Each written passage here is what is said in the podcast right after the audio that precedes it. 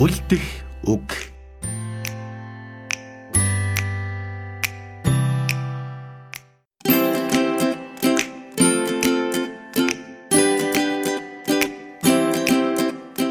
Тагта хэвлэлийн газар цэгийн утга зохиолын цахим хуудаснаас эргэлж байгаа урлаг утга зохиолын тухай ярилцлага подкастт уншигч сонсогч таныг урьж байна.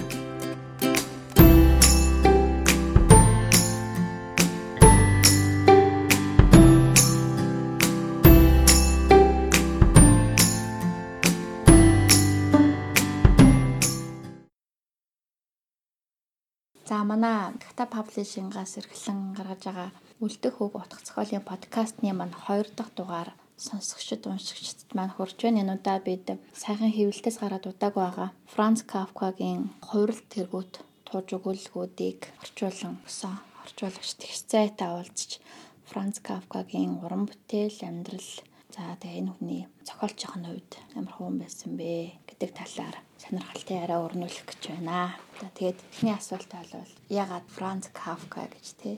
Заавал ягаад Франц Кафкаг сонгож авбаа? Юуны өмнө бол миний хайртай зохиолч. За тийм учраас ер нь бол сонгож орчуулсан гэж болно. Тэгээ яг энэ Франц Кафкаг орчуулах байтугай зарим үед уншихад ч ер нь амаргүй. Тийм уур амьсгал нь за тэгээд тэр бичигч хэв маяг нь тэг хүнийг нэг тийм төгшүүртэй дарамттай үгийнхаа тэр хов шидэнд бол ингээд уншигчдаг бол байрчдаг тий. Яг тэр утгаараа юм амаргүй юм яагаад анхныхаа би даас орчуулгын бүтээлээрээ сонгох болвоо гэхээр яг одоо гинт сайхан шийдээд ч юм уу тий. Нэг ганц хоёр жилийн өмнө шийдээд шууд Франц Кафкаг орчуулнаа гэд гинтийн шийдвэр бол огт байгаагүй. Тэгээ ерөнхийдөө яг 10 жилийн өмнө ах 19 настай жоохон охин байхдаа одоо тэр үед болохоор бүгд л зохиолч аюур цааны нөгөө шинэ үеийн номын сан ингээ харц цувралуудыг бүгд уншдаг байсан тий.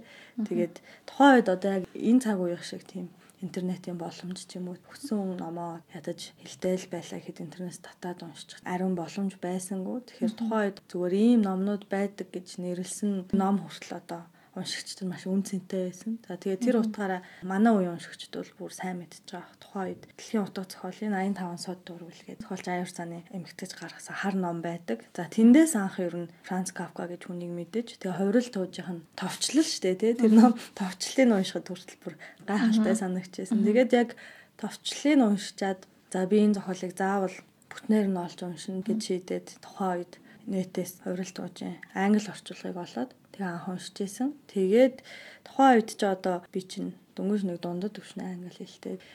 Охны хувьд англиар хувирлыг унших маш хэцүү байсан. Тэгээ баг яг үг нэг урчлан тойлтож уншиж яснаа уншихад ч тий, зөвхөн уншиж яснаа сандын. Тэгээд За Франц Кафка бол өөрөө яг надтай адилхан 100 жилийн өмнө амьдарч байхдаа бол хуулиар сурч байсан. Мэргэжил нь бол хуульч. Тэгээд тэр ажил мэргэжлийнхаа хажуугаар бол зохиолч болно гэж тий бүх хүчлээ цагаа зохиол бичгтээ зарцуулж байсан. Тэгээд яг энэ хуульч зохиолч гэсэн хоёр эрс төрс ертөнцтэй бол өөрөө их тэлчлэгдэж хоёр хуваагдаж хоёрдмол байдал оруулаад байдаг. Тэр байдал дээр нь өөрөө бас их шаналдаг байсан юм байна. Тэгээ мэдээж эцэг их нь ялангуяа аав нь бол Франц Кафкаг хуульч байгаа мэрэгчл хамаагүй ашигтай шүү дээ тий. 100 жилийн өмнө ч ялгаагүй одоо ч гэсэн хуульч болох уу зохиолч болох уу гэхэд эцэг ихт бол юун зохиолч вэ л гэж эцэг их бодно. Яг тийм байсан за тэгээд 100 жилийн өмнө Франц Кафка дээр шаналж байсан. Ийм зөрчил бас хөрхий бас нэг 100 жилийн дараа нэг нэг охины бас нэрвчл байсан байгаа юм л та. Тэгээ би яг хуулийн сургууль сурч байхдаа утга зохиолын орчуулагч болно гэж далтхан мөрөөдөж явдаг. Тэгсэн ирнэ яг одоо нэгэнт ороод сонгоцсон хуульч мэрэгчлээ бас хайч чаддгүй Тэгээд их зөрчилтэй шаналдаг байснаа санд. Кафкаш. Тэр оюут насны амьдралыг яхаар нэг л их зовсон хүн л байсан шиг санагдаад байдیں۔ Яг тэгэж явж байхдаа би одоо дотроо л ингээ халуунаар шатаа шаналал ингээ мөрөөдөж явахаар ямар ч гэсэн мөрөөдлөө биелүүлэх нэг ихний бодтой алхмаа хийх ёстой гэд нөгөө дундаж төвшний ангилалтай охин чинь хурилт уужиг орчуулна гэж зориглоод тэгээд бас нөгөө үг нэг үрчлэн толтоод тэгээд нэг параграфыг 2-оос 3 цаг орчуулдаг байснаа санаад. Тэгээд тал хүртэл нь орчуулсан. Тэгээд бол цаашдаа энийга гүйцээж чадлагүй тохоо үед бол хайчээсэн. Тийм тэгэхээр ер нь бол 10 жилийн өмнө орчуулахаар зориглож барьж авсан шийдсэн ийм зохиолч миний хувьд. Тэгээд тэр 10 жилийн өмнөх мөрөөдлөө гүйцээхээр за тэгээд энэ 10 жилийн хугацаанд миний хэлний мэдлэгч дээшилсэн. Яг одоо энэ энэ үгийн урлагийн суутны за энэ бүтээлийг би яг монгол хэл рүүгээ буулгаж чаднаа гэсэн итгэл төрсөн. Тэгээд Ер нь тэгэхээр нэлээд урт удаан настай урт удаан замыг туулж одоо уншигчдад хүрч байгаа ер нь тийм ном гэх үү тий. Кавка бол хайртай зохиолч гэж тэглэж штэ тий. Яг яг юу н одоо тийм хайр татсан хайртай зохиолч болоход нь бол ааха Тэр бол яг цэвэр Григор зам заагаас л болсон л доо. Хурал туужин тий одоо хорхоо олцдог. Тэгээ хорхоо олсон ирнэ тэр хүнлэг халуун сэтгэлээ ерөөсөө гээдгүү. Яг хуурлыг уншихаар аа тухайн үед л Григор замзаг маш их өөрөвдөжсэн. Тэгээд айгүй юм гэнэлтэй. Тэгээд нэг тэр нэг өөрөө хичнээн одоо тэр өрөөнд хорхоо олж тэлчлээ гэр бүлийнхнийгаа хайрлаж халуун сэтгэлээр дурсаж байгаа хайрлаж байгаа боловч тэрийг нь огт гэр бүлийнх нь ойлгодгүй. Тэр хоёрын зөрчлийг бол хувирлаар үнэхээр сайн харуулсан л та. Гэргор зам загчны халуун сэтгэлтэй гэл гэр бүлийнх нь яаж хүүтэн цэвдэг хандж гин. Гэтэл нөгөө талаас яг бүр айгу ахуулаг байдлаар тайлахад зүгээр одоо уншигчд аюу их төсөөлдөг л та хувирлыг уншичаад нэг л өдөрт би жишээ нь орхоолоод хувираад орон дотроо ингээд тэлчлээд нэг өглөөс ирүүл авах бай.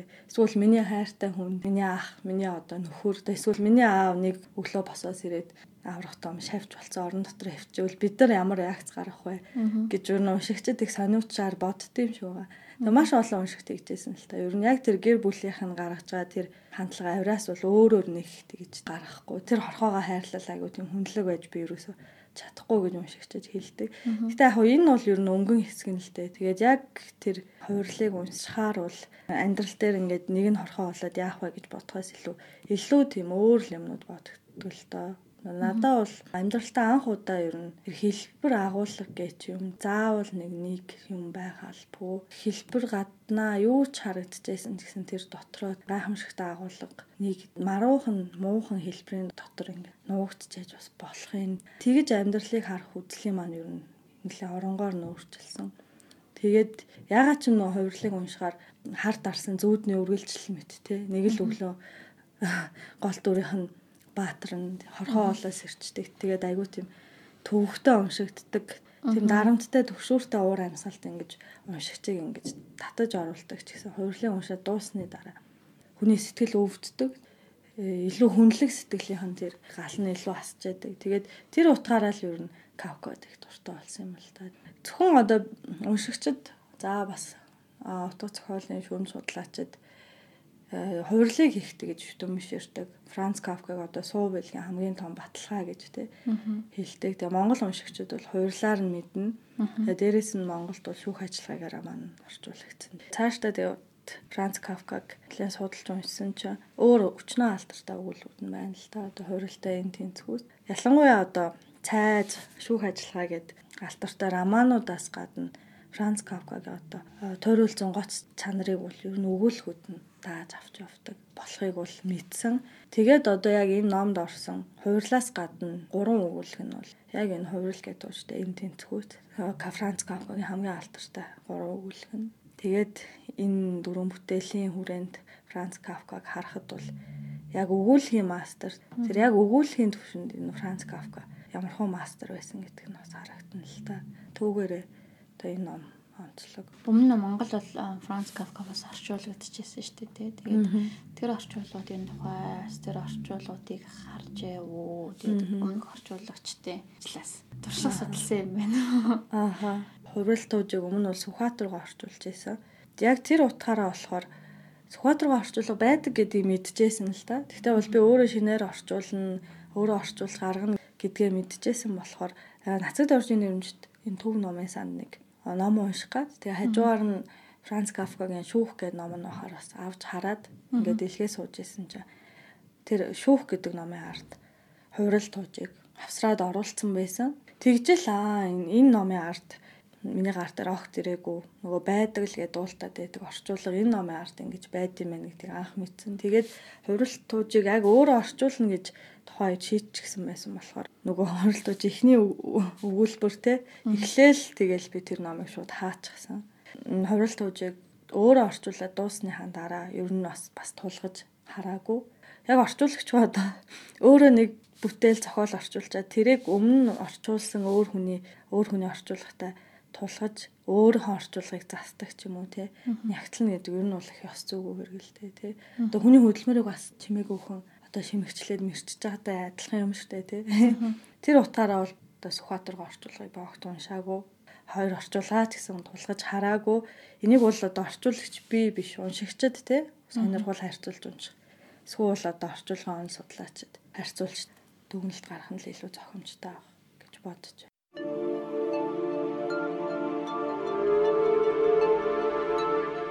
Зугаацах гэж, сургамж авах гэж, мундаг болох гэж бүү унш. Амьдрах гэж унш. Густав Флавер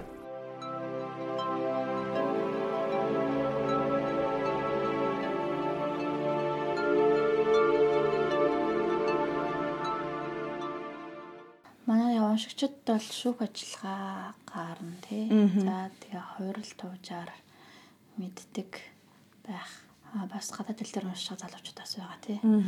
Тэгээд ер нь Франц Кафкагийн туурал зоо онцлог нь тэгээ энэ хүний яг энэ одоо тавтшгүй чанар нь юу байгаад байгаа шиг харагддаг юм бол.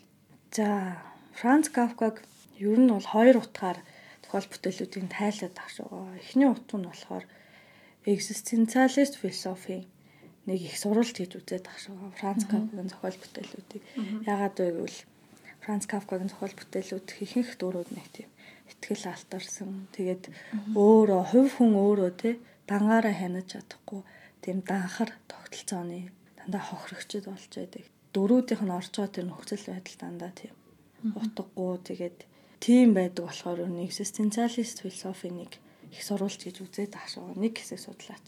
За нөгөө хэсэг судлаачд болохоор Франц Кафкагийн бүтээлүүдийг модерн утга зохиолын нэг том төлөөлөл тий. Франц Кафка одоо модерн утга зохиолын их том төлөөлөгч гээд үзээд байгаа юм л та. Тийм. Тэгээ модерн утга зохиол гээд яхаар одоо нөгөө Virginia Woolf, Marcel Proust за тэгээд одоо хамгийн гол нь Woolf те James Joyce хоёрын дууцаг зохиолт орсон Хумсрын урсгал тэр зөвлийн л их ундраг анхны шан нь бол энэ Франц Кафкагийн бүтээлүүд дээр зохиолууд дээр нь бол тавигдад туршигдчихсан л гэж үзээд байгаа юм л та. Тэгээ Франц Кафкагийн бүтээлүүд нас орсноос нь хойш ихэнх бүтээл нь гарснаар ер нь одоо Европт эд хүчээ авч байсан тэр модерн утга зохиол гэдэг зүйл бол одоо шудрах замдаа орсон л гэдэг байгаа юм л та тий. Тэгээд яг одоо Кафкагийн цайд за тэгээ хувирал гарсаад нэг 2 3 жилийн дараа Joyce, Virginia энэ шил дараал өөрсдөө бүтээлүүдийг хэвлээд эхэлсэн.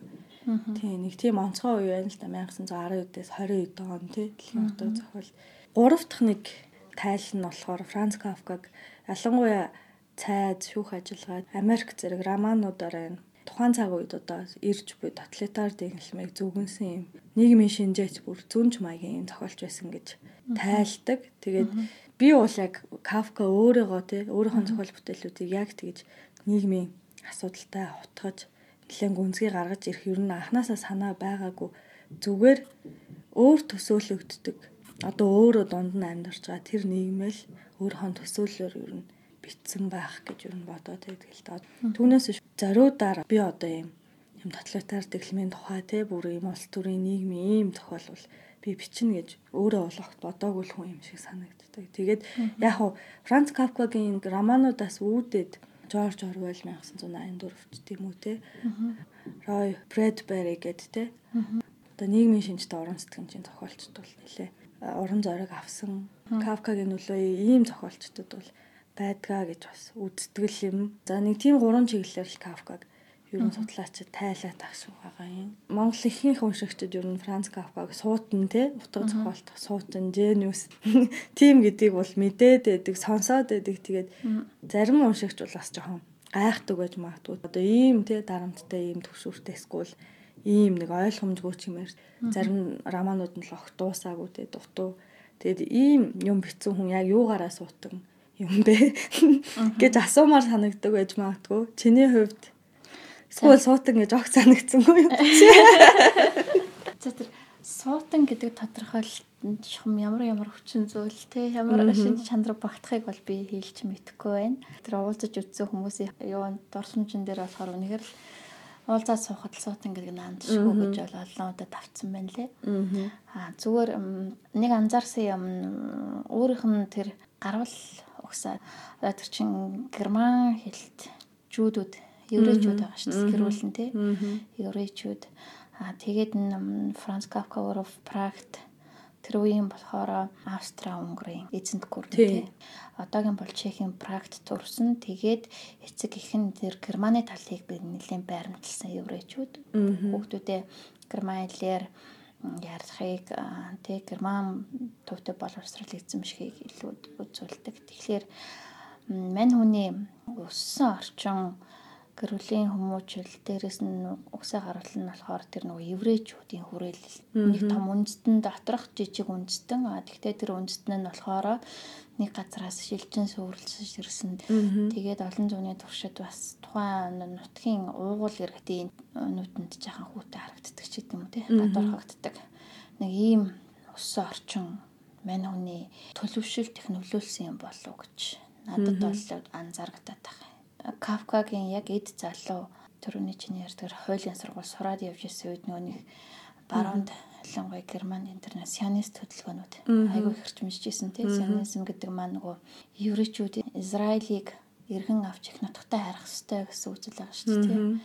Тэгээд тэр нөгөө нэг еврейн сионизм тэгээд тэр еврейчүүдийн тэ холбоотой янз бүрийн нийгмийн асуудлууд маш уртаар хөндөгдөж байсан энэ үед мань хүний байр суурь ямар байсан бэ гэхлээр за мэдээж эцэг их нь бол яг тэр э, сионист хөдөлгөөний эсрэг байсан юм шиг байна. Тэг яг л Германд олсон амьдрал олж авсан бизнес ч гэдэг юм уу нэ тэр нь 2000 жилийн өмнө тэр явдалтай утгалтуулаад тэр бүхнээ орхиод Тий. Залин нэхэд хитрхи хайрын тий. Золиод тий буцаад Израиль руу явна гэдэг бол хитрхи хайран бөгөөд авсар санагдчихсан баг. Тэгээд эцгийн ч юм уу тий тэр нэг Кафкагийн нэг найз бүсгүй сионист үзлээс нь болоод зөвшөөрөөгүй тий. Тэрээс аваагүй энэ төр гэсэн асуудал байдаг. Харин мань хүний хүрээлэл, мань хүний явж исэн найз нөхдийн хүрээнд донд тэр еврей үндэсрэг үзэл. Еврейчүүдийн тэр хүний нутагт байж байгаа нэг тийм ганцаардмал гадуур хагдмал ч юм уу эсвэл өөрсдийг бас нэг үндэсний хувьд мэдэрсэн тийм тэгээ мэдрээд тэндээ нэг цогшсон тэгсэн боловч одоо дийлэн хүнсний юунд жахан дарагдсан энэ төр. Тэр байдлууд нөлөөлсөн нөлөөлөхтэй мань хүнийг нэлээд өөртөө ихтгэлгүй эргэлзээтэй тийм хүн болгосон юм шиг зохиол бүтээлүүдээс нь харж байхад тэгээд санагддаг. Кавкаг их судлаачдын бол яг тухайн нийгмийнхээ бүтээгдэхүүн тий зохиол бүтээлүүд нь ч гэсэн тухайн нийгмийн яг л толил гэж байдаг шүү дээ. А нөгөө талаас тэр үнийг яг бие хүнд болж төлөвшөхөд дагаж өөрт нь бүрэлдсэн тэр болыг эргэлзээ, эмзэглэл тэр нэг мэдрэг байдал энэ төр нь.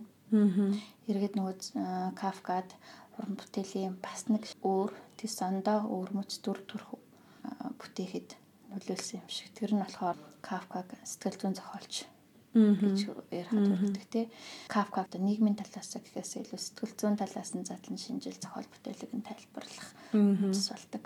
Энэ хоёр шинж нэг дор зохицлохоороо нийгмийн асуудлууд ихэвчлэн нөгөө нэг хууль шүүхийн өмнө ирж байгаа. Эсвэл нэг том системийн нэг эрх шург болоод тэнд нухчигдж байгаа ч гэдэг юм уу тийм нэг тийм нийгэмтэй холбоотой хувь хүний дарамтууд.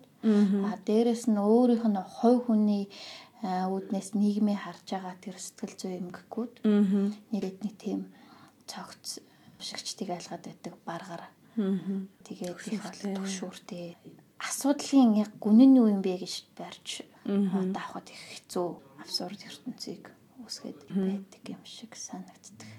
Кавкагийн бүтээлүүдийн ихэнх дөрүүд бол бараг нэргүй байдаг тий. Зүгээр К-гээ авцсан ч юм уу дамаанууд нь тэгээд тухайн дүр ер нь яадаг хүнийн тэг ямар түүх навтартай тэрийг нь бол бас огт хүүрнэдэггүй.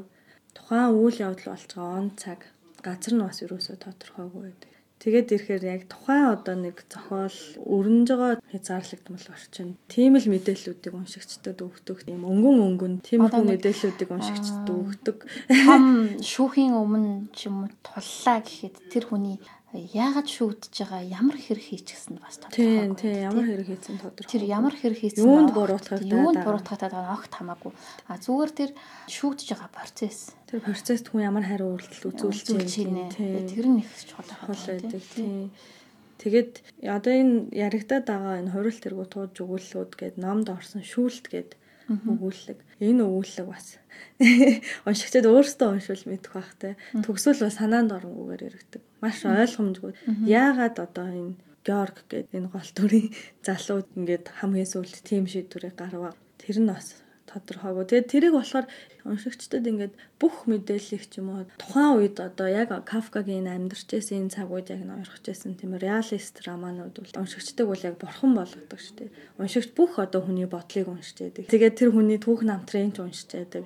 За дээрэс нь ямар үйл явдал болж байгааг нь тийм ингээд яг уншигч бол ингээд бүгдийн дээрэс нь хараад ингээд бурхан шиг сууж яадаг. Нэг ингээд зохиол уншаад яг тэр юуг л оронгоор нь л ирүүлсэн юм шиг байгаа юм л та тийм. Тийм одоо бид нар ч гэсэн ингээд амьдрал дээр годомжинд нэг зодоо харчаад энэ хоёр зодтолж байгаа нөхрийн зодооны шалтгаан болоод тэр хоёр хүний сэтгэл зүй хүчин зүйл нь ийм байдлаар илэрхэд э, ямар ямар нөлөө гарч ирсэн бэ гэдгийг мэдхгүйгээр зөөр өнгөн талаас нь хараад өөр өөр ингэсэн дүгнэлтээ хийдэг шүү дээ амьдралын дундор явж байгаа бидний ажиглалтууд дандаа яг Кафкагийн зохиол шиг байдаг. Тэргээ бид нар анзаардгүй да. Тэгээд яг Кафкагийн биччихснийг харангуйтай хүн чи яс учир битүүлэг юм бэ гэдэг. Тэгээд байдаг харин тийм. Бас миний нэг гайхаад байдаг юм Кафкагийн зохиолууд бусад зохиолчдын бас ялгаатай нь ерөнхийгөөс деталь хэсгүүд рүү задардаг. Аа бусад зохиол болоход деталаас ерөнхийрөө очдог. Аа юм шиг бусад ч байх удаа зүр ихэнх Аа яаж яах гэхээр одоо Григор Замза нэг өглөөс ирсэн чи орхоо олчлоо гэд тэр өгүүлэгт байж болох хамгийн том юм эхлээд өгчин тий. Хамгийн том үйл явдал тий. Хамгийн том үйл явдал эхлээд өгчин. Бол ихэнд гарчдаг. Ихэнд гарчдаг тий.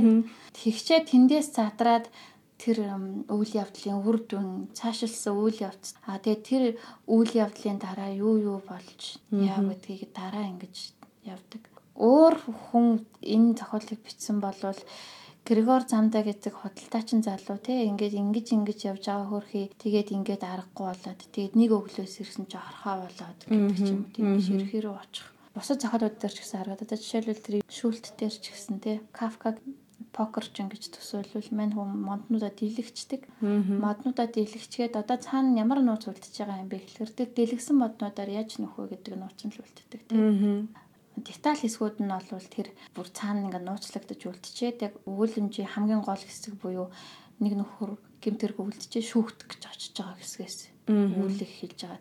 Гэх мэтчил ерөнхийдөөс ингэж задардаг зохиолч шиг санагдаад байдаг надад. Тийм. Яг нь Кафкаг яагаад одоо өгийн урлагийн гармаа төлөөлөгч нэг суутан гэдэг байна гэхээр Кафкагийн зохиол бүтээлүүдийг унших нь одоо ямар цаг үеийн уншигчдад бол сорилт байдаг гэж байгаа юм л Ягаад гэвэл сая хоёлаа баахан ярьлаа шүү дээ. Ингээд өнгөн өнгөн мэдээллүүдийг. Тэгээ тэр өнгөн өнгөн мэдээллүүдийн цаана гүн рүү н одоо уншигч өөрөө явж очичл тайллуудаа хийхээс аргагүй. Тийм болохоор уншигч одоо өөрөө хинбэ гэдгээ шалтгаалаад Франц Кафкагийн зохиол бүтээлүүдийн ач холбогдол юм уу үнц нь янз янзаар эргэж болох байх. Тэгээ яг энэ байдлаараа болоод би нэлээд олон хүнээс сонсч байсан. Кафка дургу гэж шууд надаа хэлжсэн л та тийм ил шулуухан хэлжсэн. Тэгээд яагаад ч юм Кафка надад уншаад нэг л тохиромжгүй зохиолч гэдэг юм уу те. Ер нь би Кафкаг нэг сонирхож уншдаггүй дургу нэлээд уншигч хэлж байхыг сонсч байсан. А зарим нь болохоор Кафкад их дуртай. За тэгээд мань мэт нь бол одоо тэр нэг баргаар бараан төвшүүртэй байдлахын цаана юм тийм маш хүнлэг тийм халуун зүрх яг цохилж байгаа юм шиг санагддаг. Одоо тэр утгаараа Кафка дур маш дуртай тий. Тэгээд Би бас нэг нэг алтартай шүүмжлэгчийн Кафкагийн хувирлын тухай шүүмжиг уншиж. Аа. Хувирлын биш ээ, Кафкаг зохиолуудын тухай.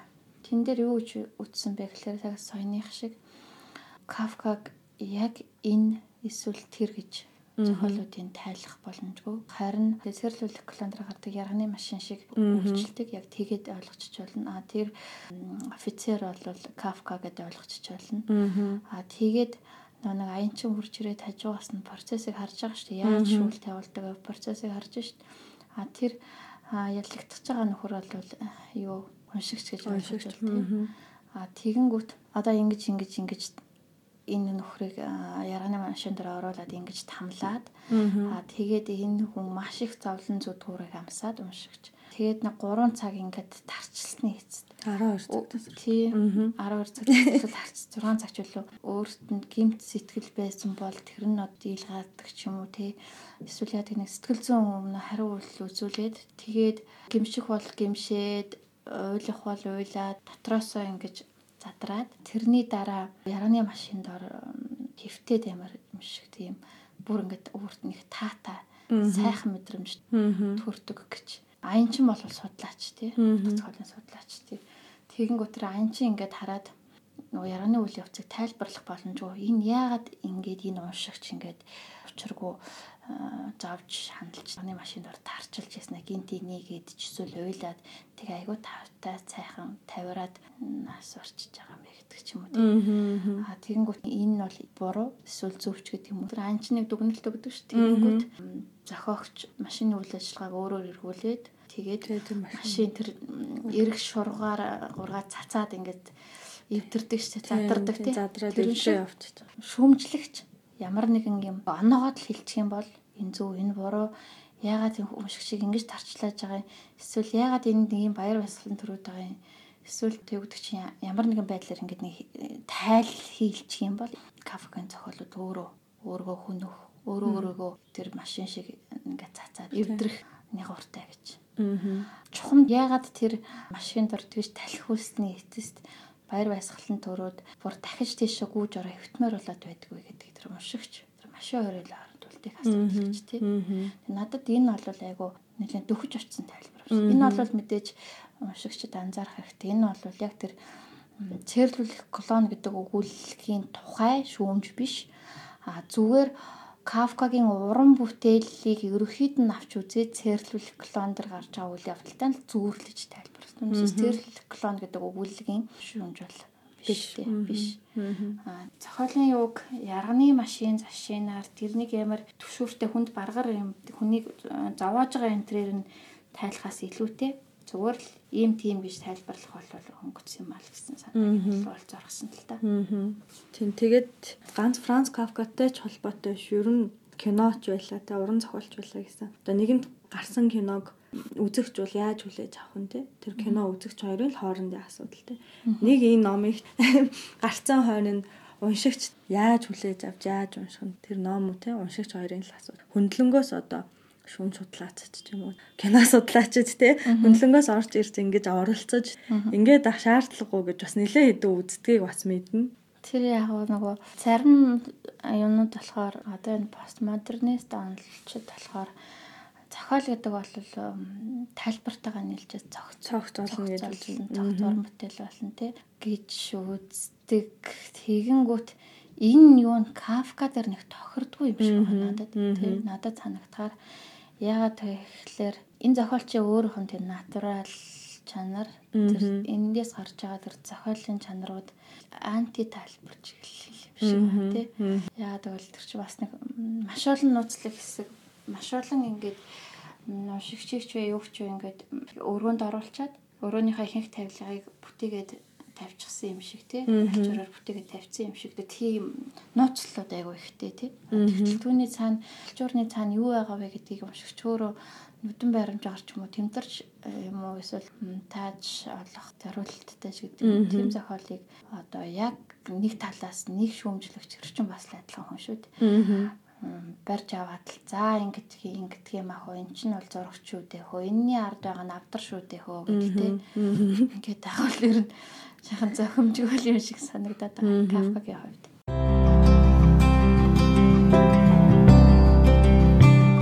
Урлаг бол мэдрэх үг бийжүүлэх үе юм. Аланис Моросити А би бас нэг юм асуусан. Саяын ном дээр маш олзуурхсан юм нь Набаковын шүүмж орсон явдал байсан. За мэдээж Набаков өөрөө энийг ол түрүүний бидний яриадсан шиг эцний дүгнэл буюу энэ сүүлийн тайлбар гэж бол хэлээгүй баг. Гэхдээ ер нь уран зохиол гэдэг имийг нэг ингэж задалдаг юм а, ингэж тайлдаг юм а гэсэн нэг жишг ялангуяа манай уншигчдад бас сайн уншигч болох тий бодлол болж магадгүй. Бас ялангуяа манай энэ тоцгойлын шүүмжлэгчд тоцгоолоос урж байгаа оюутнуудад аягүй хэрэгтэй юм болов чи нэг зогц ажил болж гэж би олцоорох чилээ. Тэгээ Набоковын лекц, Набоковын задлалын тухай яриа. Аа. Набоковын лекцийг энэ номд оруулна гэдэг санаа бол тэр хувирлыг 10 жилийн өмнө орчуулж эхэлсэн гэсэн шүү дээ тий. Тэгээд тухайн үед хувирлыг орчуулж байхдаа би бас их тийм хувирлтуужийн талаар сонирхолтой задлан шинжил бас уншсан юм аа. Тэгээ тэр бол гэхдээ Набокогийн лекц биш. Өөр задлан шинжилэл. Тэгээд бас нэг хувирал туучтайгаа баг тэнцвүүт хэмжээний хэмжээтэй маш том задлан шимжлэл байсан. За тэрэн дээр бол одоо эхнээс нь ахуулал тэр Григор Замзагийн тэр өрөөнд байгаа цаг за тэр одоо хан дээр өлгөөтэй байгаа эмхтэн зураг эднэр одоо нэг бүрчлэн яг ямар утга учиртай вэ гэдэг ингээд тайлаад явчихсан. Тийм задлан шимжлэл байсан. Тэгээд тухайн үед би одоо хувирал туужид автаад яажсэн уншигчийн хуваар бас хажуугаар нэм тайлбар задлан шинжилгээг хамт уншсан чинь надад их сонирхолтой байсан л да. Уншигчийн хуваар цэвэр. Тэгээд ирмэгц. За би энэ хувиралт уужийг яаж яаж байгаа ингээ орчуулчлаа гэхэд энийгээ дангаар нь гаргахгүй. Би хажуугаар нэм тайлбар уран зохиолын задлан шинжилтэй хамт гаргая гэж бодсон байхгүй юу.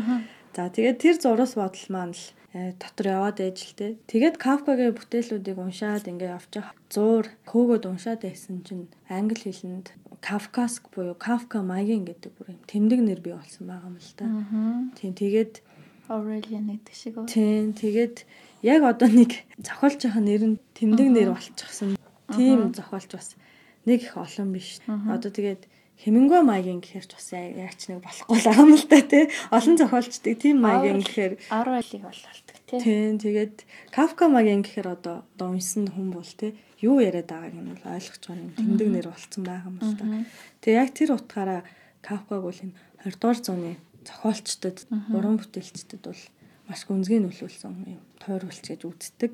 Яг одоо Франц Кафкагийн зохиол бүтээлээс гадна Франц Кафкагийн зохиол бүтээлд хийсэн задлан шинжилэлүүд за тэгээд энэ зохиол бүтээлээс нь сэтвлэж тэ урам зориг авч бичсэн тийм утга зохиолын бүтээлүүд бас цөөн биш болоод эхэлж байгаа юм л та. Жишээ нь одоо хойр хол ус Борхес тэ, Загу Борхес, за Набоков За тэгээ Филипп Рот одоо Америкийн одоо алдартай зохиолч. Бүгд ер нь Франц Кафкагийн аль нэг зохиолын бол задлан шинжил өөртөөгоор тайлсан ба тайлж бичижсэн ба.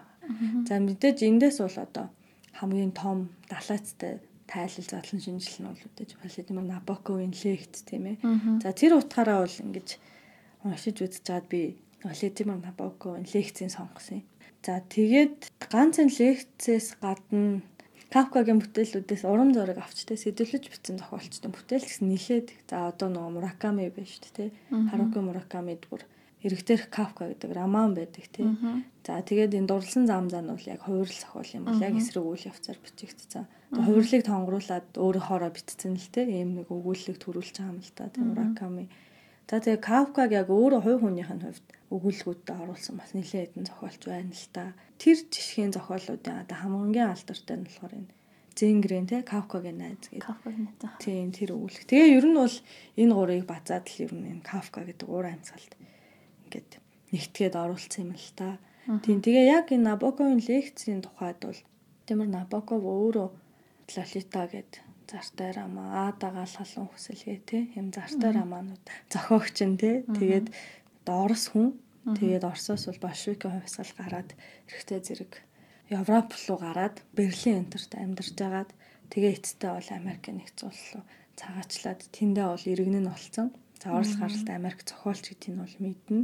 Утга зохиолынхаа Капитер ойрхон амьдарч байсан. Тийм одоо тийм уулзч байгаа. Гэхдээ Берлинд бол одоо Берлинд бол их ойрхон амьдарч байсан. Тийм ойрхон амьдарч байсан. Тэгэж лекцэнд бол яг бичсэн байсан тийм. Тэгээд Набоко бол яг Америкт энэ утга зохиолын ертөнцид бол англи хэл дээр бичигдсэн зохиол бүтээлүүдээр л өөрийнхөө гол нэр хүндийг олж авсан. Тэгээд амьдарч байхдаа Корнел зэрэг сургуулиудад уран зохиолын лекц уншдаг байсан. За тэгээ Оросын уран зохиол, дэлхийн уран зохиол. Тэр лекцүүд нь бол тусдаа нэг ном болоод бас гарцсан байдаг утга зохиолын тухай гээд on literature гээд тэгээд яг тэр лекцүүд дундаас бол Joyce-ийн Joyce-ийн талаар тий James Joyce-ийн талаар за тэгээд Proust-ийн талаар за Flaubert-ийн талаар тий за тэгээд Kafka-гийн талаар.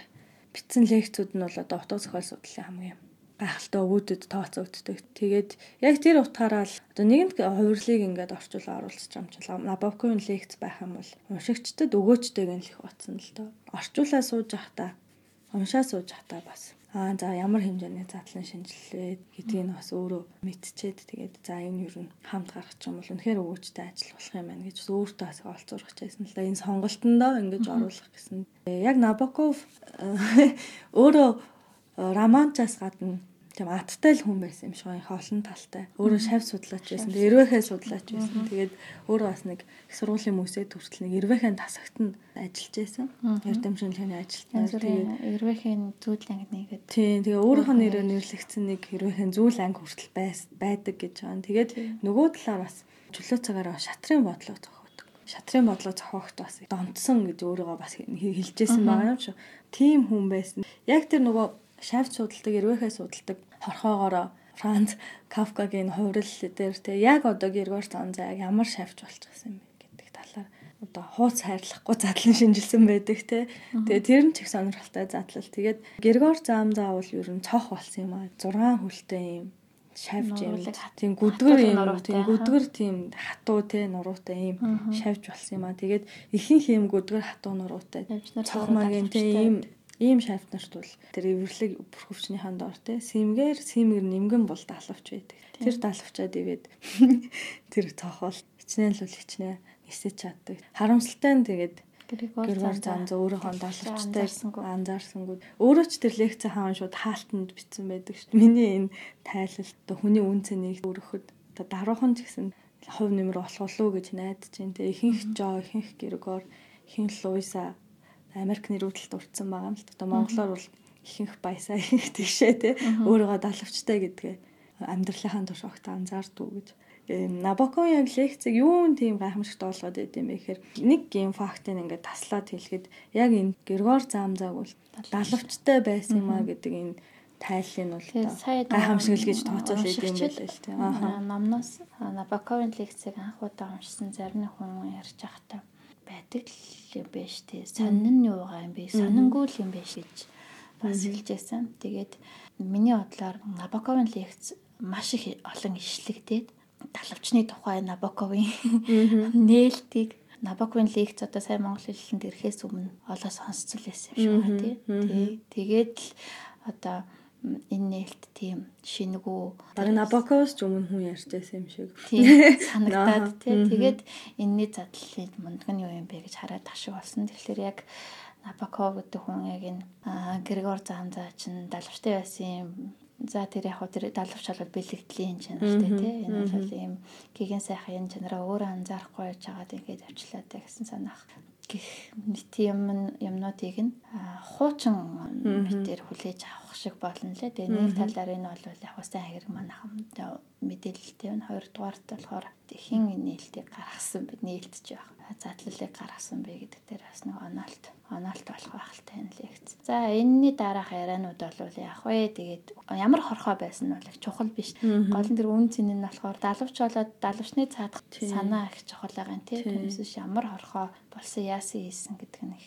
Тийм. Тэр далавчийг өөрөө Набоков тайсан нь зөвхөн одоо шавь судлаач ч юм уу ийм эрвэхэ сонирхдаг утгаараа өөрөө тэг хүчээр нялцааж болох тэгж тайлаагүй л байгаа юм л та Набоков.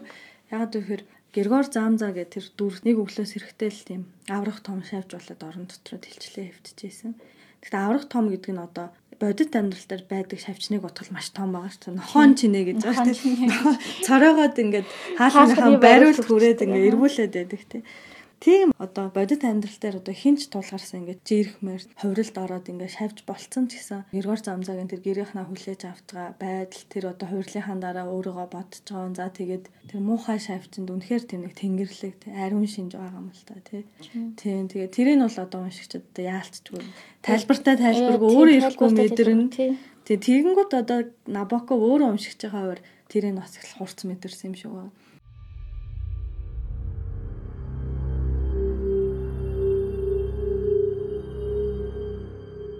Би эцэст нь өөрийн шашнаа олсон билээ. Ном миний шашин, номын сан миний сүм хийд болсон.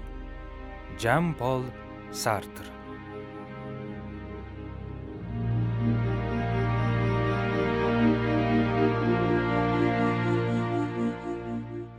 Тэгэл нөгөө талд байж байгаа тэр хүний хүлээж авч байгаа гэр бүлийнх нь ихэд ариун сайхан хүний дүртэй тийм харахад одоо хинч айж зүхтаж жирэх хэрхүү сайхан хүний дүртэй боловч тэр дүр төрхөөс нь гарамгүй муухай чанарууд илэрч байна буюу энэ хоёр дүрийн хоорондох хэлбэр болгоод агуулгууд ингээс байраас байраас олчж байна. Тийм тэгээд яг тэр утгаараа Боко өөрөө уншигч байгаар Григор Замзагийн тэр тэнгэрлэг ариун шинжийг их мэдэрч унсан юм шиг.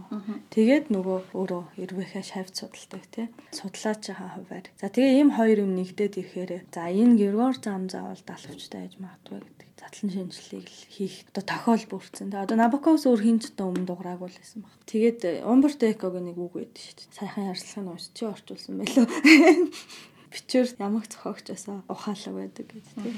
Капкагийн хувийн амьдрал руу орвол зохиолуудыг нь тайлж уншихад уншигчдад ойрд санагдчих магадгүй. Хувь хүнийхэн талаас үзвэл түрүүний ярдагчлан маш олон сэтгэл зүйн, эргэлзээ, эмзэглэл, ихтгэлгүй байдлын юмдаар тэр хов хүний өвөрмөц чанар бүрдсэн юм шиг байна. Одоо жишээлбэл жирийн хүмүүс танилцаа таарлцсан хүмүүс Кафкаг ясаа айтайхан оюунлаг залуу вэ? Яриа хөөрөн ясаа ухаалаг юм бэ? Харахад нүдэн тулайхан айтайхан ч юм уу гэж боддог бол мань хүн бол өөрийгөө энэ хүний нүдэнд би ямар аимшигтай харагдаж байгаа бол намайг үхлийг өмнө сонсчоод галзуу солиотой амтан гэж бодох байж гэдэг юм тийм. Biz өөргөө болохоор их голж уруулж тэгээд одоо бараг л тэр нөгөө нэг траума өөргөө бараг тэр зам зав чиний бараг гэж хай бичих голж боддог байсан юм шиг. Тэгээ энэ юмнууд нь за тэгээд өөрөөх нь бас үүнтэй авсрах олон эмгээгүүд байсан юм шиг байна. Бас хавсарсан эмгээгүүд. Хавсарсан эмгээгүүд. Жишээ нь Жишээ нь болохоор нойргууддаг. Тийм дээрэс нь бас анорексия дүүргээ таргалчихгүй гэж айснаас болоод хоол иддэггүй. Тийм авсарсан юмгүүдтэй нойр хоол гээд физик биеийн дороотуулаад тэр нь оюун санаанд нь ч нөлөөлж болцсохгүй тийм давхар давхар юмгүүдтэй бас их. Аав нь бол Франц Кафкагууд бол өөр л хүн байсан юм шиг байгаа юм л да. Тэгээ аавыг нь одоо доминант маягийн эзэрхэг Кафкас өөрхөн загтал дээрээ бичсэн байдаг. Та бол намайг бодвол өстой жинхэнэ Кафка байсан та бол үргэлж өөртөө ихтэй өөрөө маш бардам авч явдаг те. Тэгээд нэлээд олон шүүмжлэгчд за уншигчд бас тэгж бодоод байдаг. Франц Кафкагийн зохиолууд дээр гарч байгаа тэр аав хүүгийн харилцаа тэр нэг ярвхтай тэгээд аав нь юу хүүгээ дарангуулж байгаа энэ байдал бол Кафкагийн одоо тэр бодит аав нь өөрөг нь яг энэ дарангуулж авчиж гадуурхдаг байснаас үүдэлтэй. Тэгэхээр энэ тал дээр юу чи юу гэж зарим нэг зохиолыг уншиж байхад амтрын мэддэг хүн болвол яхлааргүй ингэж замаар за энэ нөхөр автагаа ингэж яхан тарамжгүй байсан. Тийм болохоор энэ сэтгэл зүйн дорой чанар нь энэ зохиол дээр нь ингэж ингэж илэрч ийн гэж шууд тайлбарламаар. Юмнууд гардаг. Тэгээд зарим судлаачид бол энийг цэцэг хүүгийн хооронд харилцааны тийм хуурамч тал гэдэг Фройдийн Лорентер айгуу тайлбарлсан байдаг.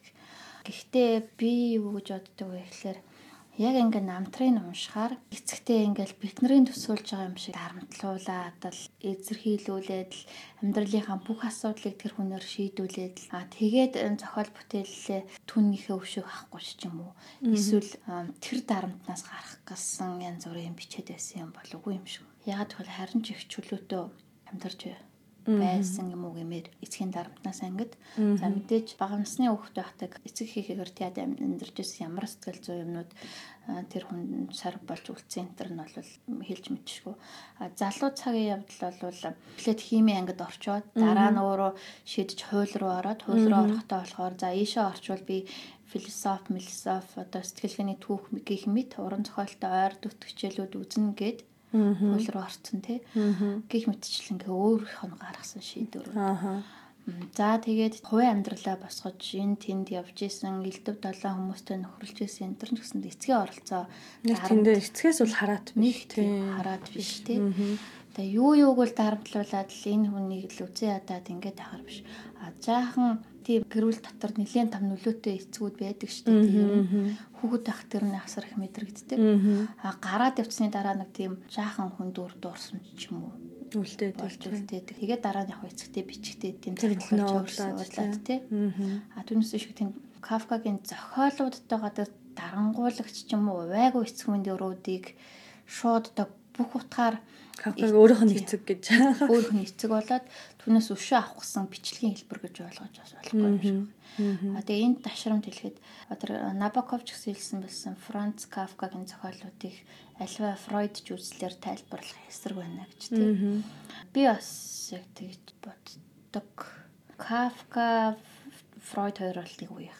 Тийм. Кафкагийн эд бичиж явах үед Фройд бас эд бичиж ирсэн. Тийм мань хүн тэр хүний юмнуудыг уншсан уу гэхээр уншсан байдаг. Зарим зүрийн тэмдэглэлээс нь харж авт Фройдын юмнуудыг уншсан энэ төр бол байж дээ. Тэр тухайга бичсэн байдаг. Аа гэвч Фройдын үзэл санааг бүгднгийн гэж талархан хүлээж авч ирсэн үү тэгэхээр тэр Набоковын хэлтгчлээ үгүй л байсан юм шиг. Аа. Фройдын онолтой онолгүй тэр хүний сэтгэл зүйн юмгэгүйд ийг Фройдч маягаар тайлбарлах боломжтой айгүй бол боломжтой. Яагаад гэвэл тэр чинь байгаа зүйлийг задлан шинжлэх онол болохоос биш хоёр суутны хоорондын харилцааны асуудал шүү дээ. Тэгээд боломжтой бол боломжтой. Тэр боломжийг ашигласан маш олон судалгааны бүтээгдэхүүнүүд тэртээ тэргүй байж байгаа. Франц Кафкаг Фройд ч маягаар задлсан. Тэгэхдээ юуг анхаарах ёстой вэ гэхээр тэр үед Кафка Фройд нэг үед туурваад дараагийн судлаачтай гарч ирэхдээ Кафкагийн бүтээлийг судлахдаа Фройд ч үнцгийг барьж авах. Тийм өөрөөр хэлбэл өмнө нь байгаа бэлэхэн хоёр суутныг тийм материалыг нэгийн судалтаа нөгөөх өөр нөгөөх нь судалтаа нэгийг хэрэн ч гэдэг юм уу ингэж сэлгэх энэ төр бол юм баг мооч ах бас. Одоогийн өнцгөөс харахад нөгөө Фройд ч үзэл нь өөрөө бас үгүйсгэгдсэн олон үзлүүдийг дагуулчихсан шүү дээ. Одоо жишээлбэл Фройдийн тэр зүүдний тайллуудын эсрэг нэрээ санахгүй. Шинжлэх ухааны онолтой одоо жишээлбэл зүүд гэдэг бол зөвхөн энэ хүний биохимийн нөлөө юм а. Түүнээс одоо хүний биелээгүй хүслийн тухай ч юм уу ямар нэгэн тийм харилцаа байхгүй. Жишээлбэл хүн зүүдлэхтэй хүн унтж байгаа тархи унтахгүй. Тархинд бол одоо биохимийн үйл явц нь үргэлжилсээр байдаг. Харин би ямарсан болохоор тэр тархины үйл ажиллагаанууд хариу реакц үзүүлэхээ болчдөг. Тэгэнгүүт бид нар ингээд одоо гүүж явж байгаад хөвчлэн гүүхтэй унаад байдаг шүү дээ тий. Тэгэхээр нөгөө нэг тарих гүүхийг шаардаад байхад би ингээд хөдлөхгүй байгаад ахаар тэр зүүдэнд яаж харагддаг вэ гэхээр биес нөгөө хариу реакц ирэхгүй шүү дээ. Тэнгүүт гүйж явж байгаа бүдэрч унаад байдаг баригдах гад тий хүнд хөөгдлөхэд баригдах гад байдаг. Тийм болохоор энэ бол зөвөр нөгөө нэг тархины удирдлага болоод биеийн гүйцэтгэл хоёрын хоорондын юу болохоос биш ямар нэгэн тэр Фройд ч тийм хүсэл биелээгүй хүсэл шүүнэл одоо элдв бас юмтай албаагүй ч гэдэг юм. Энэ онол жишээ нь нэлийн одоо зөвшөөрөх мутах маягтай энэ төр болоод ирсэн өнөө үед Манад ямар мод үлдсэн байна вэ гэхээр нөгөө Кафка 10 20 30 онд бичээд нас барцсан ямиг 70 80-ад оны үед шинэ тутам байгаа Фройд журналаар тайлбарлаад тухайн үед гэж мод болж ирсэн үсэл одоо манад эд мод болж байгаа. Эд мод болоод тий. Одоо бүхэл юмыг бүхэл уран зохиолын бичвэрийг Фройд ч маягаар тайлбарлах гэдэг тий. Фройдын сэтгэл задлалын онол Фройдын ингээд ингээд ингээд Тэр мод бол одоогийн одоо олон улсын түвшний утга зохиол судлаачдын хувьд бол хуучирсан. Кафкаг Фройд ч үзлэр тайлбарлах өдр бол тийм юм шиг санагддаг. Кафкагийн зохиол бүтээлүүд чинь бас дуусаг урманууд болоод өгүүлбүүдээс гадна загтлууд нэг алдартай тийм тэр тухай. Кафкагийн одоо яг үлдээсэн өв болохоор яг уран зохиолын өв бол мянга орчим хуудастай хоёр бот байгаа. Одоогоор тэгтээ олон нийтэд ил болоод одоо хэвлэгдчихсэн тий. За тэгээд уран зохиолын бус өвүүд болохоор загтал тэмдэглүүд нас өөр их алдартай. Тэгээд тэр нь бас дахиад 1000 орчим хуудас байгаа. Тэгээ яг загтлуудаас нь бол одоо авто бичсэн загтал нь бол алдартай. За тэгээд Кавкач одоо амьд ахуда Флис Бауэр гэдэг хүүхэнтэй хоёр удаа сүйлж байсан. Тэгээ хоёр ч удаа сүүгээ цуцалж байсан. Тэгээ яг тэр Флис Бауэрт бичсэн загтлууд нь алдартай. Тэр амраг хүүхэн флес баавартай байсан. За тэгээд дундуур нь нэг блох гэдэг хүүхэн. За тэгээд насныхаа эцэст бол диамонд гэдэг хүүхэнтэй. Яг одоо Кавка яг амьдрал болго хамт амьдарсан хүүхэн бол одоо энэ сүүлийнхний диамонд тэгээд хүүхэн юм л да. Тэгээд тэрэндээ бас бичсэн загтлаа амар хүүхэн болоод аавда бичсэн загтлуудныг алдартай. Тэмдэглэлүүдээс нь бол одоо Франц Кафка гэдэг энэ суутнигтай дотоод ертөнцийн ухах энэ хүн юу бодож байсан яаж байсан. Тэрийг одоо уншихад бол их таатай л байд юм шиг юм л да. Одоо судлаачаад тий. Дээрээс нь одоо Франц Кафкагийн фэнүүд байна шүү дээ тий. Галц цогтой уншигч фэнүүд нь бол тэмдэглэл загтлуудыг нь бол шүүртэй шүүртэй уншичдаг. Миний хувьд бас бодож юм. Франц Кафкагийн тэмдэглэлүүдийн энэ номдоо оруулах нь зүйтэй байна. За тэгээ Дармын Бат хоёргоо бас надад зөвлөсөн. Тэмдэглэлүүдийг бас оруулал зүгээр байх гэ. Тэгээд тэгээ Дармын Бат хоёргоо зөвлөгөөг харамсалтай номдоо тусгаж чадаагүй. Тэгээд бодоод байх нэ. Тэмдэглэл загтлуудын тэ утга зохиолынхан бүтээлээс тусдаа гаргавал илүү зэгцтэй, илүү сонирхолтой байх юм болов уу гэж бас бодсон. Иргэншлийн гарын үсэг нь урлаг юм. Beverly Seals Кафкагийн амьдрал өөрөө бас их тийм эмгэнэлтэд төгссөн. Кафкаг зохиолч болох гэж нэг улааран хүсээгүй буюу зүгээр л ер нь бичгэмаа бичээд л явж исэн тийм ч учраас бүх зохиол бүтээлээ шатаа гэж нас урахтай найз одоо тийм Макс Родтой тийм грэсэлсэн гэж ярьдаг. А яг тэмдэглэлүүдийг уншихаар тэр хүний өөрийгөө зохиолч болгох гэсэн зохиолч байлгах гэсэн хүсэл нь маш хүчтэй. Маш хүчтэй. Бүр гал халуун. Галлаа. Одоо ингээл аавдаа бичсэн загтлыг нь харж байхад миний амьдрал бол ерөөсөө л бичих. Аа. гэж одоо шууд зарлсан. Шулуухан хэлсэн байдаг. Шулуухан хэлсэн байдаг тийм. Би бол бичгийн төлөө амьдарч байгаа гэж маш тодорхой хэлсэн байдаг. Тухайн үед ч бас уран зохиолын сонин сэтгүүл элдв бусын юмд уухгүй бас бичвэрүүдээ өгч исэн. Ганц нэг шагнал хүртэл авч исэн байдаг тийм галч өгүүлгээрээ шагнал хүртэж исэн байдаг. Гих мэдчлэнгийн тэгээд яагаад тэр зохиолоо сүулт нь шатаах гэж гэрээслэхэд хөргөө өөрөө бас ихэнх зохиолоо шатаацсан байлээ гэж хэлсэн тийм Доро Diamond гэдэг төрөнд урцсан бүсгүйтэй Берлинд хамт амьдарч байхдаа за хажууханд нь бас Набоков амьдарч байсан.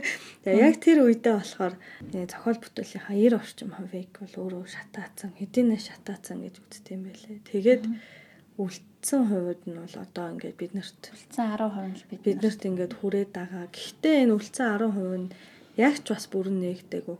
Зарим зохиолууд нь байгаа одоо нэгдэг үлдсэн зохиолууд байгаа гэж бас үздэг. Тэгээд одоо хэдхэн жилийн дараа Франц Кафкагийн өмнө хэвлэгдэж байгаа зохиолууд одоо юу юуг бас гарч магадгүй гэж үзээд байдаг л та. Бас яг тэр зохиол бүтээлээ бүгдийг нь одоо хуу хамж чатаа гэж тэр гэрээсэлсэн тэр Франц Кафкагийн гэрээсэлтээр бас их ноото зүйл байгаа юм л та. Ягаад вэ гэхээр Франц Кафка бол Макс Бродтой ингээд нэлээд тодорхойл захиж үлдээсэн байна л та. Миний бичсэн гар бичмлүүдийг за тэгээд бусад хүмүүст байгаа миний гар бичмлүүдийг миний хэвлэгдсэн те бүх зохиолыг бүгдийг нь одоо цуглуулад тэгээ устгаарай шатаагаарай гэж гэрээсэлсэн. Тэгсэн чинь Макс Брод нь бол тухайн үед их тодорхой хариулт өгсөн байгаа юм. Би тэгж чадахгүй гэж. Татгалцсан хариугаа бол маш тодорхой өгсөн юм байлээ л те. Тэгээ тэгсээр байтал Франц Кафка үнэхээр л хамаагүй зохиол бүтээлээ хун хамж чадахыг хүсэж байсан юм бол ягаад өөрөө шатаач. Өөрөө үлдээгүй юм бэ. Тэгээ Макс Брод найз нь айгүй л миний гэрээслийг биелүүлэхгүй ч байж магадгүй те. Энэ хүн өөрөө татгалзаж байна гэдгийг мэдсэн хэрнээ.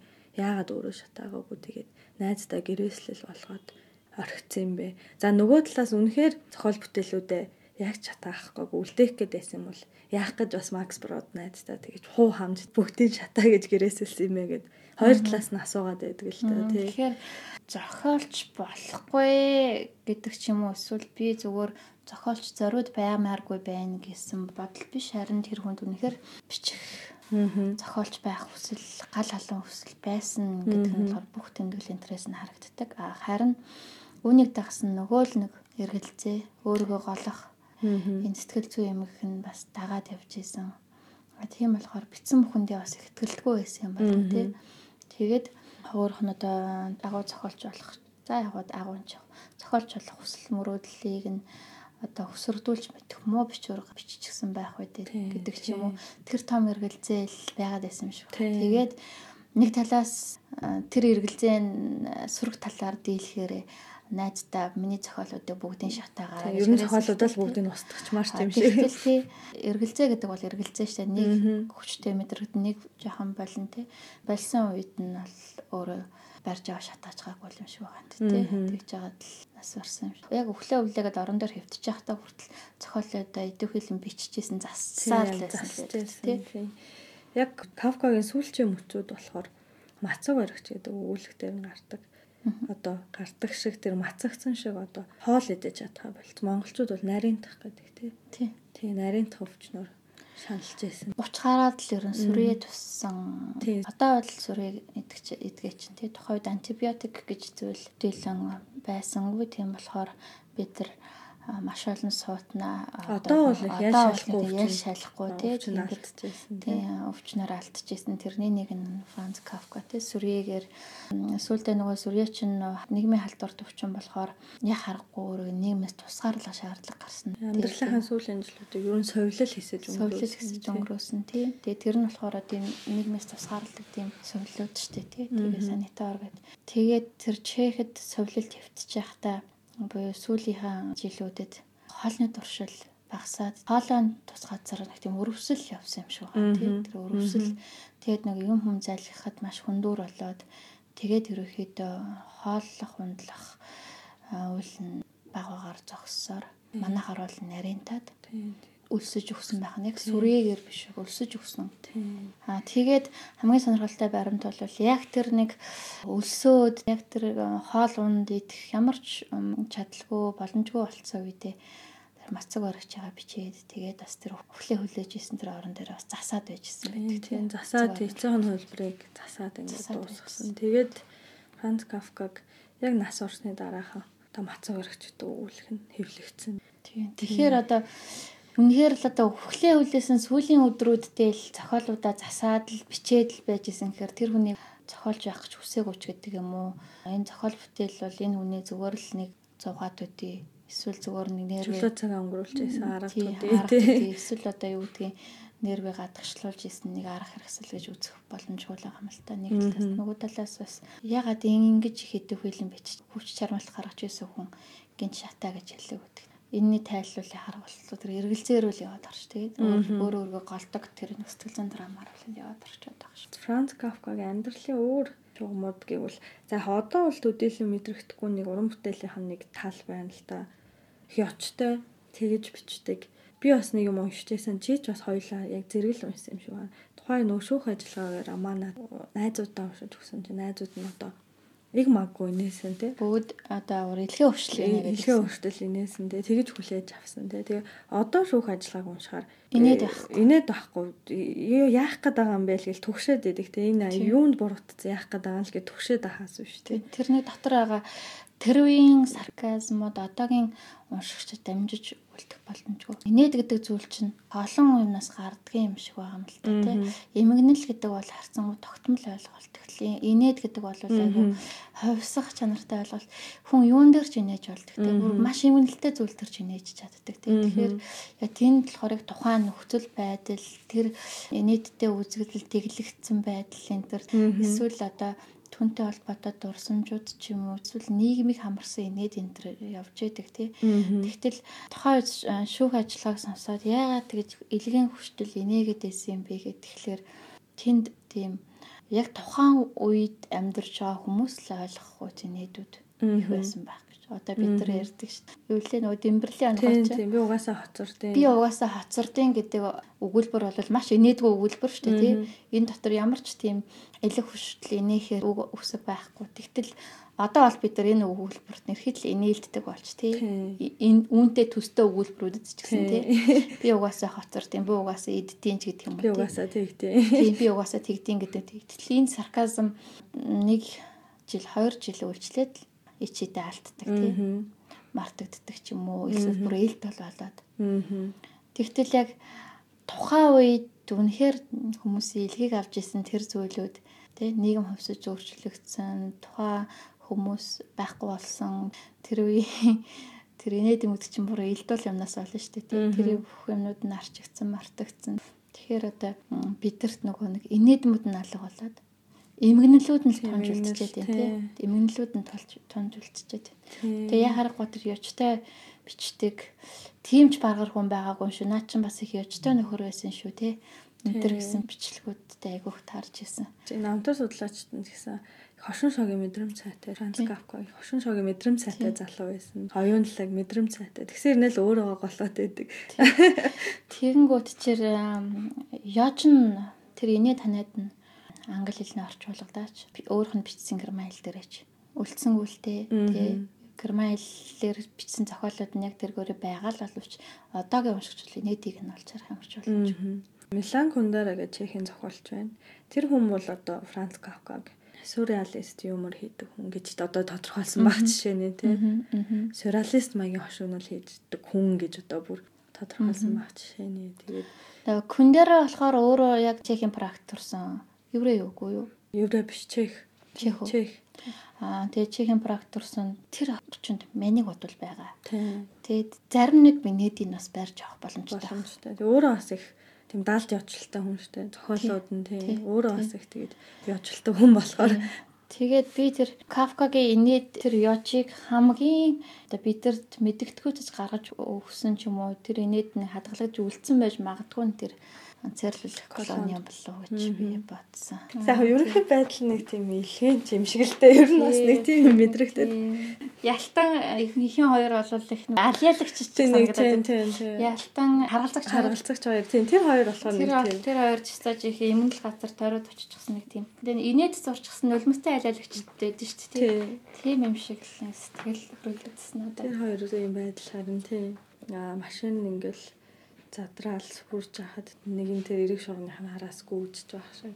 Тэгэл тэрүүхэн хорон тэр хоёр ч юм бас нэлээд юм болно. Тэр нэг дундуура хавагдсан цамцаа далбагнуулаад гүйжж байх шиг тэр аваар тэ. Тэгээ тэр хоёрын байдал бол нэг тийм илхэн байсан. Бүр нэг би битэй нэг тийм дасцсан юм шиг тий. Тийм.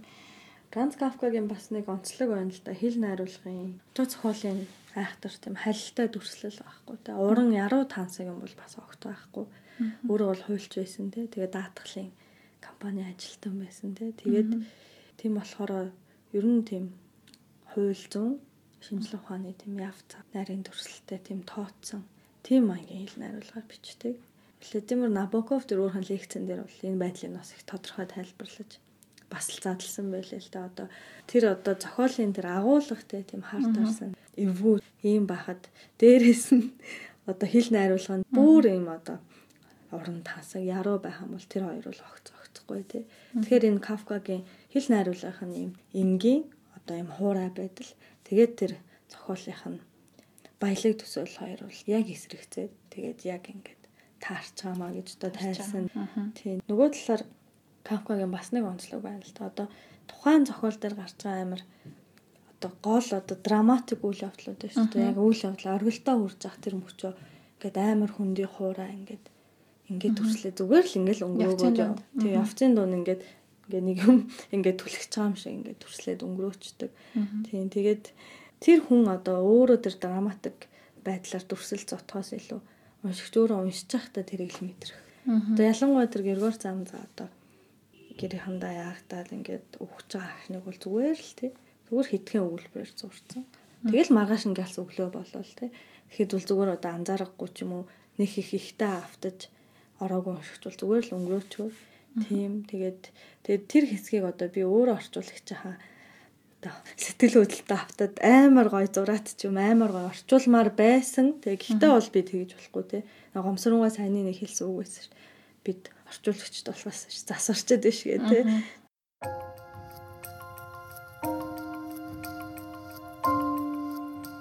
Номыг овоолж байгаад шатаахаас ч илүү долоондор нүгэл бий. Уншихгүй байх нь тэр нүглүүдийн нэг нь. Йосеф Бродский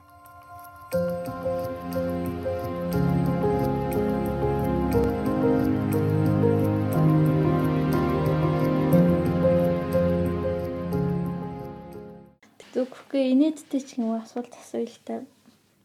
Кафка гарлаа гэж шуглаа гэж.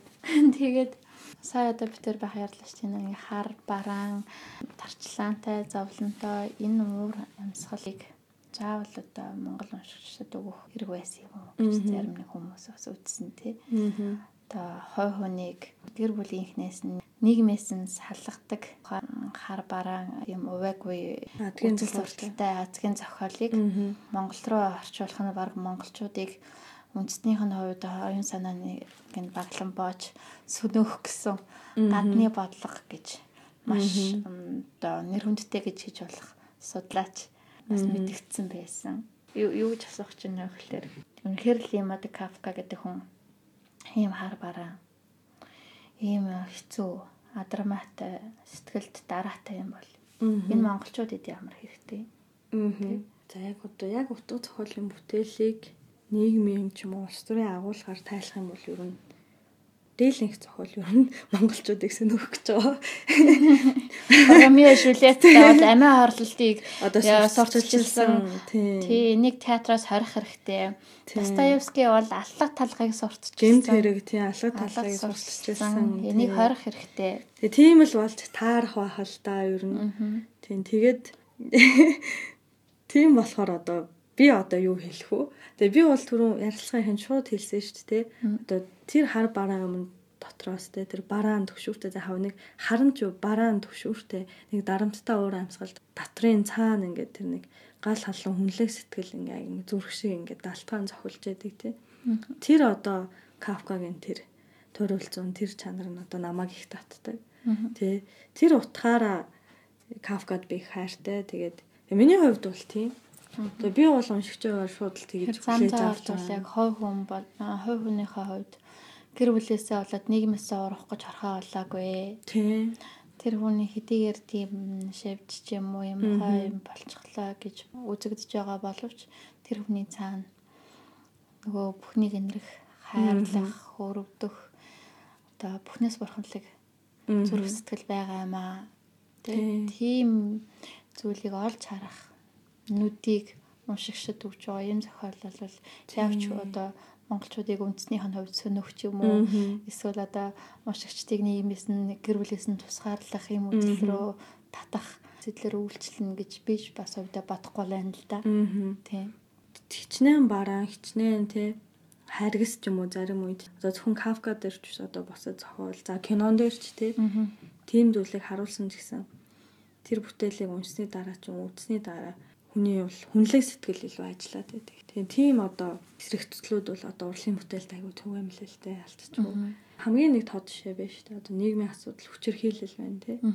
Гэтэл одоо тэр хүчирхийлэл гэж юм чинь явахтаа ийм юм аа. Одоо ийм одоо сөрөг ийм утгатай зүйлээ гэдгийг гаргахын тулд тэрийг яг байгаагаар нь л гаргахаас аргагүй байхгүй юу. Тэгэхээр одоо хүчирхийллийг гойчлох ч юм уу тий. Эсвэл хүчирхийлч юм ял шалахгүй юм штэ гэж харуулсан одоо киноч байд юм уу. Бүтээл бол эргээд бол яг анхныхан зорилгоос бол ингээд эсрэг эсрэг үйлчлэлээр нь үзэгчдэд ч юм уншигчдэд үзүүлээд байдаг. Гэтэл тоо хүчрхийлэг үнээр харгас бодтой тий.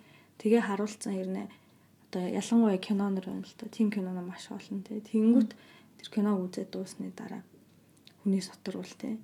Үгүй ийм юм байж таарахгүй гэсэн тийм хүнлэг сэтгэл хэлдэг төрдөг. Тийм эсрэгчлүүд урлагт ихэлтэй. Тэгэхээр тэгээд түрүүн сая ярьлаа шүү дээ одоо инээд нэг ингээ алга боллоо гэхэд Кафкагийн эмгэнлэн л үлдчихээн тий. Гэдэг шиг тэгээд хүн болоо тэр амьдралт гэдэг юмны мөн чанар чинь зөвхөн одоо инээд ч юм уу тий. Эсвэл зөвхөн одоо сайн сайхан биш тий. Тэгэхээр зөвхөн тэр нэг талын одоо муу мухагийн ч юм уу сүргийн ч юм уу сүрэг гэж үзэж болохоор зүйлийг нь одоо баллууртаа ч юм уу ортоос байхгүй юм шиг царайллаа гэд хүн хизээч одоо өсөд дэвчдэг ч юм уу эсвэл гэгэрдэг эсвэл хүнлэг болдог тийм юм байхгүй л байгаа юм л та. Тэг хүн гэж юм ч одоо нэг тийм л амтан байна л. Яг миний хувьд бол хүн айгу олон талтай. Тэгээ би бол ямар нэгэн байдлаар хүнийг ямар нэгэн нэг нэг зүйлээр тайлбарлаад тэгээд тэр нь л хүн хүн гэдэг тийм нэг ягшмал тийм хязгаарлагдмал юм айг бол хувь хүний хавд огт таашаадгүй тий. Тэр утгаараа би түрүү хэлсэн шүү дээ. Франц Кавкагийн зохиол бүтээлүүд бол уншигчдад бол ямагт сорилт байдаг тий. Тухайн уншигч хэн байхаа шалтгаалаад Францын бүтээлийн тийм үнц нь ач холбогдол нь янз янзаар эргэж болно тийм. Тэгэхээр тэрийг бол одоо та Франц Кафкаг уншаад ингэж ойлгох тийм эсвэл та энэ Франц Кафка гэдэг хүнийг уншихгүй л бол одоо мулхуу амтан болдог ч юм уу те. Эсвэл уншичаараа эсвэл дампуураа явчихна гэдэг юм уу тийм юм бол хэлэх ямар ч боломжгүй л те